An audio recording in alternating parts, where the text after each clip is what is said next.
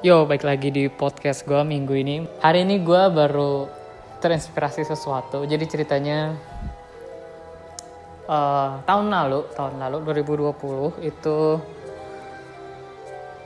gue pengen banget nonton uh, uh, Wonder Woman 84 tapi pertama gue belum berani untuk langsung ke mana namanya ke bioskop dan mau nonton online pun apa namanya? Katanya itu apa namanya? Jelek. Jadi ratingnya kurang bagus. Rating yang jelek rating yang jelek membuat gua dan kritik pastinya ya membuat gua males nonton. Tapi karena gue pikir gue pengen uh, melanjuti DCU ini. Jadi mau nggak mau gue nonton. Jadi setidaknya gue pikir kalau jelek ya gue dapat actionnya. Kalau bagus ya alhamdulillah. Dan setelah gue nonton uh, ini bukan review film ya. Filmnya sih nggak begitu flashy nggak begitu maksud gue editannya juga biasa aja nggak terlalu ribet kayak lo nonton Superman atau uh, Batman yang gelutnya ke kiri ke kanan ke atas ke bawah ngancurin gedung dan segala macem. Ini nggak begitu. Biasa aja santai paling ngancurin satu dua mobil dan truk dan tank dan ya biasa aja lah.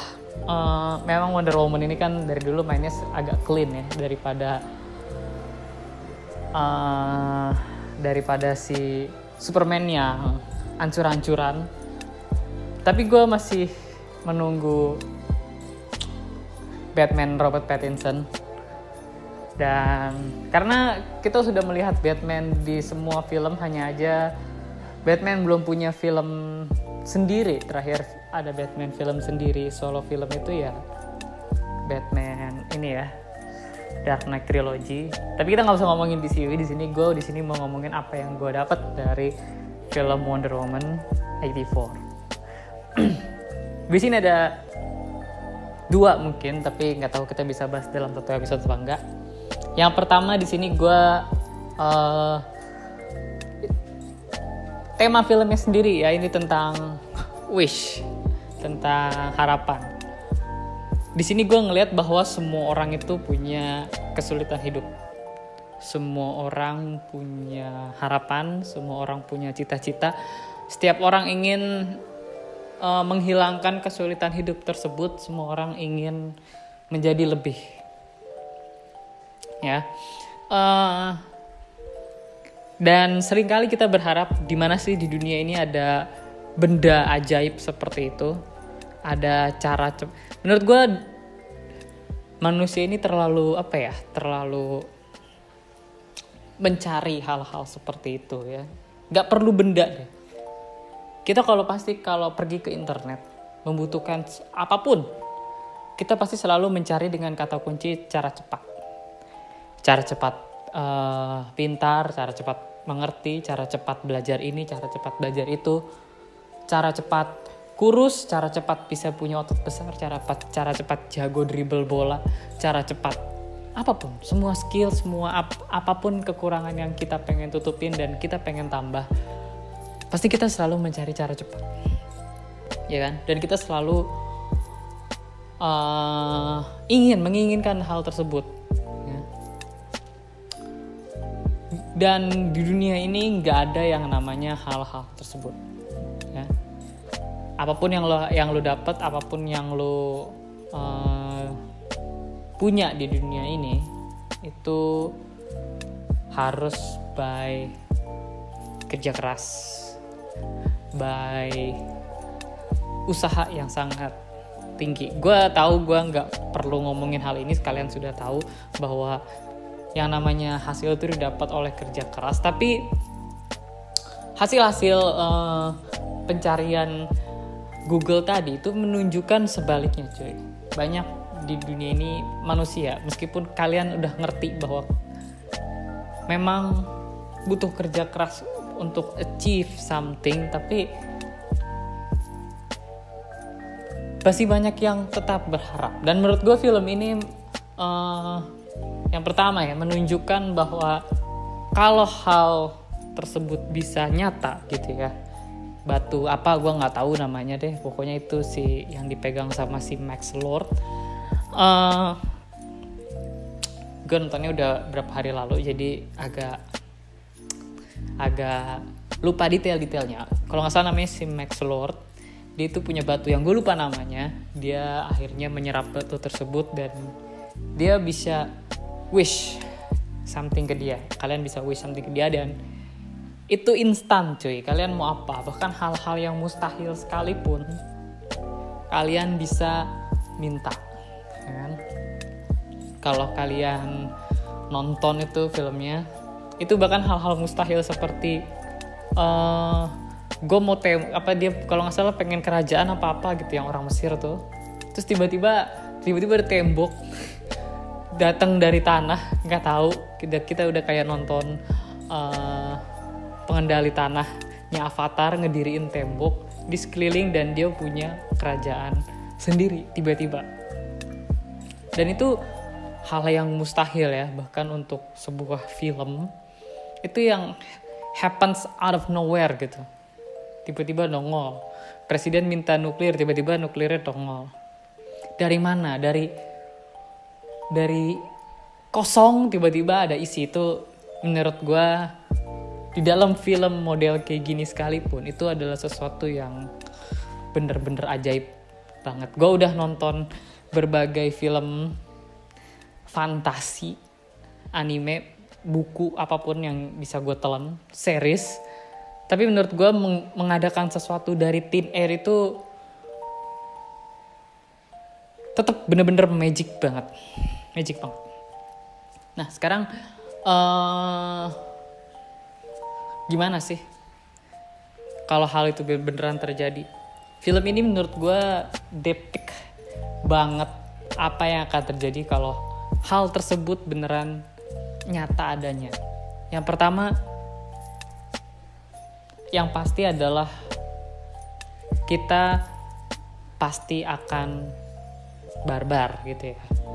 Karena seperti yang ada di film ini nggak semua orang wish for better life. Ada juga orang yang wish for uh, hal-hal uh, yang dalam tanda kutip merugikan ya. Kalau nggak salah kita di akhir itu kan banyak harapan tentang perang gitu ya. Harapan pengen jadi eh punya nuklir, harapan macam-macam deh yang membuat Rusia dan Amerika jadi perang nuklir dan semuanya berantakan. Itu yang pertama. Semuanya tidak terkendali kalau semua wish bisa terwujud. Dan makanya menurut gue dunia works this way gitu. Dunia bekerja seperti ini. Kalau kita hidup di dunia yang kita bisa mendapatkan sesuatu secara instan, menurut gue uh, ya jadinya kayak gitu chaos. Itu yang pertama. Yang kedua uh, gak akan ada cukup. Pertanyaan terakhir dari dari Diana adalah bukan lu bukannya lu udah punya cukup? Ya kan? Terus si Max Lord jawab emang udah cukup tapi kenapa gue nggak bisa minta lebih jawabannya itu. Jadi apa ya menurut gue yang namanya manusia ini nggak akan ada habisnya. Dikasih uang sejuta minta lebih. Dikasih mobil satu minta lebih. Dikasih rumah satu minta lebih. Itulah manusia. Kalau ngelos gitu aja itu nggak akan ada batasnya karena manusia itu memang apa ya mudah sekali terpapar oleh greedy ya. Greed. Manusia itu gampang terpapar sekali oleh oleh hal tersebut. Tadinya cuma minta uang 100 ribu untuk makan sehari-hari. Tiba-tiba minta uang sejuta untuk tempat tinggal. Kurang 10 juta untuk pendidikan. Kurang. 100 juta. Lama-lama keingin kebutuhannya berubah menjadi keinginan. Itu yang kita lihat di film ini. Pertama-tama yang di wish itu rata-rata itu kebutuhan ya untuk menutupi suatu kekurangan. Kita ambil contoh si Barbara. Ya Barbara siapa lah nggak lupa namanya. Itu dia yang jadi cita itu. Nah itu dia pertama wish dia ingin menutupi uh, kekurangan dirinya. Dia jelek dia gak fashionable dia kurang menarik dia enggak apa ya dia enggak menarik dia kurang dia agak social awkward. Sampai akhirnya dia wish dari batu tersebut batu ajaib ya sebut saja. Itu dia bisa jadi menarik. Dia menjadi orang yang disukai oleh rekan-rekan kerjanya. Padahal tadinya dia orangnya awkward, jarang punya teman dan sebagainya. Tapi dia bisa disukain sama teman-teman uh, sepekerjaannya. Dan juga uh, si Maxwell Lord, siapa lah itu namanya? Itu tadinya dia cuma nge-wish untuk memperbaiki uh, perusahaannya yang hancur ya. Dia perusahaannya hancur dia butuh dipandang anaknya dan lain-lain. Karena anaknya harus bangga sama dia dan lain-lain. Jadilah dia wish untuk uh, wish dia sebenarnya mempunyai strategi untuk mengembalikan perusahaannya. Perusahaan oil atau minyak atau gas bumi apalah terserah kalian manggilnya. Tapi lama kelamaan wish tersebut lama-lama jadi ngaco gitu ya wish tersebut. Dan wish orang-orang ini lama-lama jadi ngaco. Dan wish yang nggak ada habisnya itu itu bisa merusak. Kita ngelihat aja sebagai contoh si Lord Maxwell sendiri ya. Dia jadi sakit. Ya kan? Atau kita lihat si Barbara siapa lah itu namanya? Lupa gua. Kita lihat saya si Barbara sebut saya Barbara memang Barbara namanya. Si Barbara ini berubah jadi kucing setengah fury. Nggak tahu lah namanya. Intinya dia ini wish bahwa dia ingin menjadi apex predator kan? Dan berubahlah dia jadi kucing. Padahal tujuan dia awalnya cuma pengen jadi cantik dan menarik tapi karena greed yang dia punya di dalam diri atas gue pengen power lebih gue pengen power lebih gue pengen power lebih. Karena dia merasa inferior dibandingkan Diana. Kalian bisa dengerin bagaimana inferiority complex itu memang menyerang seseorang seperti si Barbara di episode sebelumnya. Kalau nggak salah gue juga pernah bikin episode tentang inferiority complex. Tapi waktu itu contohnya gue ambil Dante dan Virgil. Gue belum nonton ini waktu itu, jadi itu aja yang kita ambil. Itu si Barbara ini juga sebagai salah satu contoh uh, apa namanya inferiority complex yang sempurna menurut gue. Dia merasa kurang dari si Diana karena Diana cantik, strong, menarik, dan mandiri kayak cewek-cewek tipikal idaman lah. Beda dari dia. Terus setelah dia memiliki hal yang lebih gitu dia edik. Dan dia meminta lebih lagi. Dia ingin tadinya tadinya kalau nggak salah dia ingin pertamanya mirip ya mirip. Dia ingin mirip seperti Diana. Pengen cantik pinter strong mandiri dan lain-lain. Dan setelah mirip itulah manusia dia pengen lebih. Akhirnya waktu di helikopter yang terakhir itu dia pengen melebihi Diana. Dia pengen jadi orang nomor satu apex predator. Dan tiba-tiba dia berubah jadi kucing Fury. Dan kita jadi kayak nonton film Cats gitu kan. Atau apa sih itu nama filmnya? Apa gue yang Fury Fury itu? Itu kacau tuh film. Gue ngeliat trailernya aja udah males banget gitu ya. Nah. Nah jadi kayak gitu. Kita manusia nggak akan ada puasnya. Kita pasti mau lebih apa pun. Ya.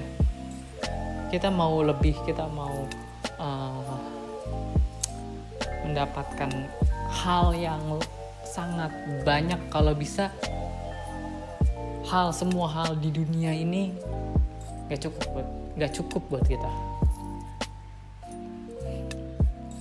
Kalau nggak salah gue pernah dengar quote dari Gandhi atau siapa. Kayaknya sih Gandhi. Dia bilang dunia ini cukup untuk menghidupi semua isinya atau semua manusia. Atau gue lupa pasti quote yang ini begitu.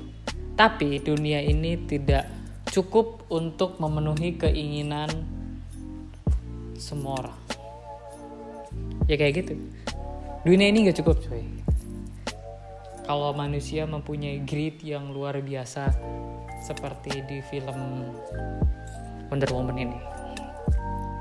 Nah terus yang ketiga, ini ya, yang ketiga itu gue ngeliat bahwa uh, tadi ada istilah uh, monkey's paws ya, monkey's paw. Dia mengambil lebih banyak dari yang dia berikan. Itulah yang gue uh, ambil dari film ini. Uh, itulah kenapa gue kasih judul di sini Be Careful What You Wish For. Karena seperti yang ada di film ini, tanpa kita ketahui, tanpa kita sadari, tanpa kita apa ya, tanpa kita lihat dan segala macam, apa pun yang kita wish, apa pun yang kita harapkan, apa pun yang kita lakukan apa pun yang kita kerjakan itu pasti akan menghadiahkan kita oleh sesuatu. Tapi, tapi, ya, tapi, tapi, semakin instan, ya, semakin instan dan semakin tidak natural kita mendapatkan sesuatu, kosnya akan lebih banyak. Bukan berarti menjadi orang yang normal atau natural dalam mendapatkan sesuatu nggak ada costnya. Tetap ada costnya. Lo kehilangan tenaga dan waktu itu udah yang paling basic gue pernah bahas di mana gue lupa. Tapi semakin nggak natural, lo semakin memberikan banyak cost. Cost yang kita semua nggak lihat. Cost yang kita semua nggak sadari. Kalian mau mulai dari mana dulu? Gitu ya. Kalian mau mulai dari sesuatu yang physical seperti film ini atau sesuatu yang unphysical? Kita mulai dari sesuatu yang unphysical dulu. Dosa. Ya. Banyak di dunia ini orang yang mengejar sesuatu. Dan dalam mengejar sesuatu itu kebanyakan sih nggak mudah. Mau jadi kaya, mau punya jabatan dan lain-lain. Dan gak sedikit juga dari mereka yang mengambil cara unnatural. Unnatural itu selalu mau apa? Mau lu kaitkan dengan dunia nyata. Let's say saja dia yogok atau korupsi atau semacamnya. Atau lu mau bahas sesuatu yang gak ada di dunia nyata. Misalkan lu percaya mistis, oke okay, dia ikut pesugihan punya babi ngepet, tuyul, ataupun memakai ajian-ajian tertentu. Terserah lo mau percaya yang mana. Intinya, either way dia mendapatkan hal yang dia inginkan secara cepat. Kekayaan, jabatan, dan lain-lain. Terserah lo mau, lo mau percaya itu orang pakai yang mana. Pakai cara dunia nyata atau dunia gaib. Tapi kedua hal tersebut mempunyai cost yang gak bisa dilihat di dunia ya cuy. Tapi pasti akan dipertanggungjawabkan. Kelak gue bukannya pengen uh, jadi so ustadz atau apa ya tapi it is what it is. Itu yang orang suka lupa. Cost gitu kan. Cost itulah yang gue suka dari nonton film. Kita bisa mengambil sesuatu tanpa kita menjalaninya. Di film ini di film ini hmm, di sini si si siapa tuh namanya? Si Maxwell Lord. Max siapa sih namanya? Lupa gue kayak Max Lord lah itu dia bisa renounce uh, renounce wishnya. Setelah dunia hancur dan dunia kembali normal tapi kita yang hidup di dunia nyata dan bukan di dunia film kita nggak bisa wish untuk di renounce ya. Kalau misalkan orang misalkan let's say tadi ya dia ingin mencari kekayaan sebanyak-banyaknya. Uh, ya udah let's say dia ambil jalan dunia nyata aja dia korupsi. Setelah dijeblosin ke penjara apakah dia bisa merenounce apa yang ya udah gue balikin aja duitnya tapi gue jangan di penjara. Semuanya kembali seperti normal uangnya gue balikin. Gak bisa. Udah di penjara. Bukan masalah di penjara dia hidup enak ya. Menurut gue uh, hukuman sosial lebih kejam. Memang misalkan dia yaudahlah gue punya orang dalam. Gue dipindahin ke lapas yang kamarnya VVVVVVVVVIP kamar yang sangat bagus meskipun gue di penjara tapi ada sanksi sosial terutama biasanya anak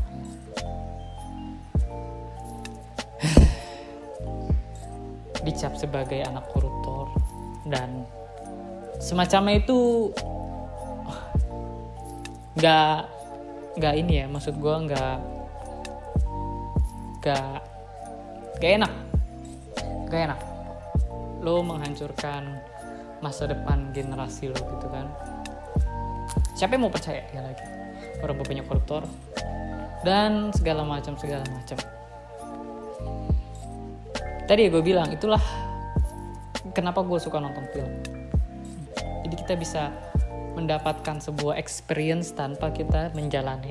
Ini experience orang experience film. Ini menjadi penyadar buat gue bahwa ya be careful what you wish for. Yang diambil itu bisa lebih dari kita. Dari apa yang kita mau. Ya. dan kita belum belum belum tahu aja apa yang diambil. Sama seperti si Maxwell Lord gitu ya. Dia awalnya merasa nggak ada yang diambil dari gue cuman kesehatan gue doang. Dan dia berpikir bahwa kalau gitu gue bisa memperbaiki kesehatan orang lain eh memperbaiki kesehatan gue dengan mengambil dari orang lain. Sedikit sedikit. Wish by wish. Tapi ternyata enggak ya kan? Ternyata bukan itu yang kelihatan sama dia. Ternyata ada cost yang nggak kelihatan sama dia yaitu anaknya. Ceritanya anaknya di akhir ini kan dalam keadaan bahaya gitu ya. Dia di luar sendiri perang nuklir di mana-mana dan lain-lain. Sampai akhirnya dia baru sadar kalau kalau ini costnya ya. Diana tuh udah bilang waktu di waktu dia tersungkur di pojok tuh uh, kita harusnya bersyukur dia bilang. Karena terkadang sebuah wish itu mempunyai cost yang sangat besar dan terkadang seorang nggak bisa bayar ya dan inilah yang baru dirasakan oleh si Max ya. anaknya dalam keadaan bahaya dan dia baru sadar bahwa semua kekayaan semua kejayaan yang dia dapat itu kalau kosnya adalah anaknya itu dia nggak bisa dia nggak bisa nerima kos itu. Itu kos yang terlalu besar dan baru kelihatan. Gue nggak tahu di dunia nyata kos seperti apa tapi ini menurut gue gambaran. Karena gue belum mengambil sesuatu yang sangat riskan. Putusan yang sangat riskan gue belum pernah mengambil. Tapi kalau misalkan gue di ujung tanduk dan berpikir gue akan kembali mengingat film ini mungkin. Apa kosnya? Apakah itu berat? Apakah bisa gue bayar? Yang tadi gue bilang sekali lagi di film ini dia bisa renounce uh, wishnya. Jadi dia bisa mengandu semoga dan akhirnya dia bisa kembali kan? Anaknya kembali karena kan perangnya nggak ada jadi anaknya tetap balik lagi jadi aman dia bisa mencari dan ketemu. Ya, karena dia renounce wishnya. Tapi yang sekali lagi gue bilang di dunia nyata itu kita nggak bisa. Di dunia nyata itu kita nggak bisa. Apa yang kita dapetin, apa yang kita sudah lakukan itu punya cost. Yang bisa jadi lebih besar daripada apa yang kita dapatkan. Dan kita nggak ngeliat, meleng aja gitu. Tapi di saat cost itu ditagih oleh hukum alam, dan ternyata kita nggak bisa bayar ya, itu menurut gue adalah yang namanya kebangkrutan sejati, sejati cuy. Kebangkrutan sejati itu kayak gitu menurut gue ya. Bangkrut sejati itu adalah kehilangan kebahagiaan bukannya kehilangan uang harta atau apa pun. Kalau tiba-tiba kosnya adalah sumber kebahagiaan utama lo gitu ya. Yang mau diambil oleh hukum alam. Tapi gue ngomong mau karena banyak banget yang harus dijelaskan di sini tapi gue nggak punya waktu pun kalau gue bikin ini episode per episode bisa jadi seribu episode mungkin. Pokoknya semua great things semua hal besar yang unnatural itu punya cost dan bisa jadi itu satu-satunya kebahagiaan yang lo punya. Dan lu nggak bisa bayar. Hilanglah kebahagiaan lu menurutku itu orang yang bangkrut jangan jadikan hal-hal instan ya, itu jadi apa ya menurut gue jadi kayak candu semata ya. sama kayak orang obat kalau orang obat kalau udah parah bukan untuk sekali-sekali udah parah banget udah candu lu ambil obatnya dia baru sadar kos yang dia terima. Kebahagiaannya hilang. Dia punya penyakit baru. Sebuah penyakit kecanduan yang mungkin lebih parah daripada penyakit lamanya. Mungkin dia punya penyakit apa, depresi atau kecemasan. Dia awal ngobat menghilangkan kecemasan karena hal yang biasa. Dan sekarang dia punya hal yang lebih berat lagi untuk dialami. Ya kan? Kalau kalian pernah lihat orang sakau tuh kejut-kejut gitu belum lagi masuk masuk masuk rehabilitasi gitu ya masuk mending kalau rehabilitasi kalau bui hmm, itu lebih ribet belum lagi kos kesehatan ya selain kesehatan jiwa tadi kesehatan fisik juga kalau orang banyak obat tuh biasanya kurus ya cungkring gitu kayak orangnya apa ya kayak kurus aja gitu kayak lifeless.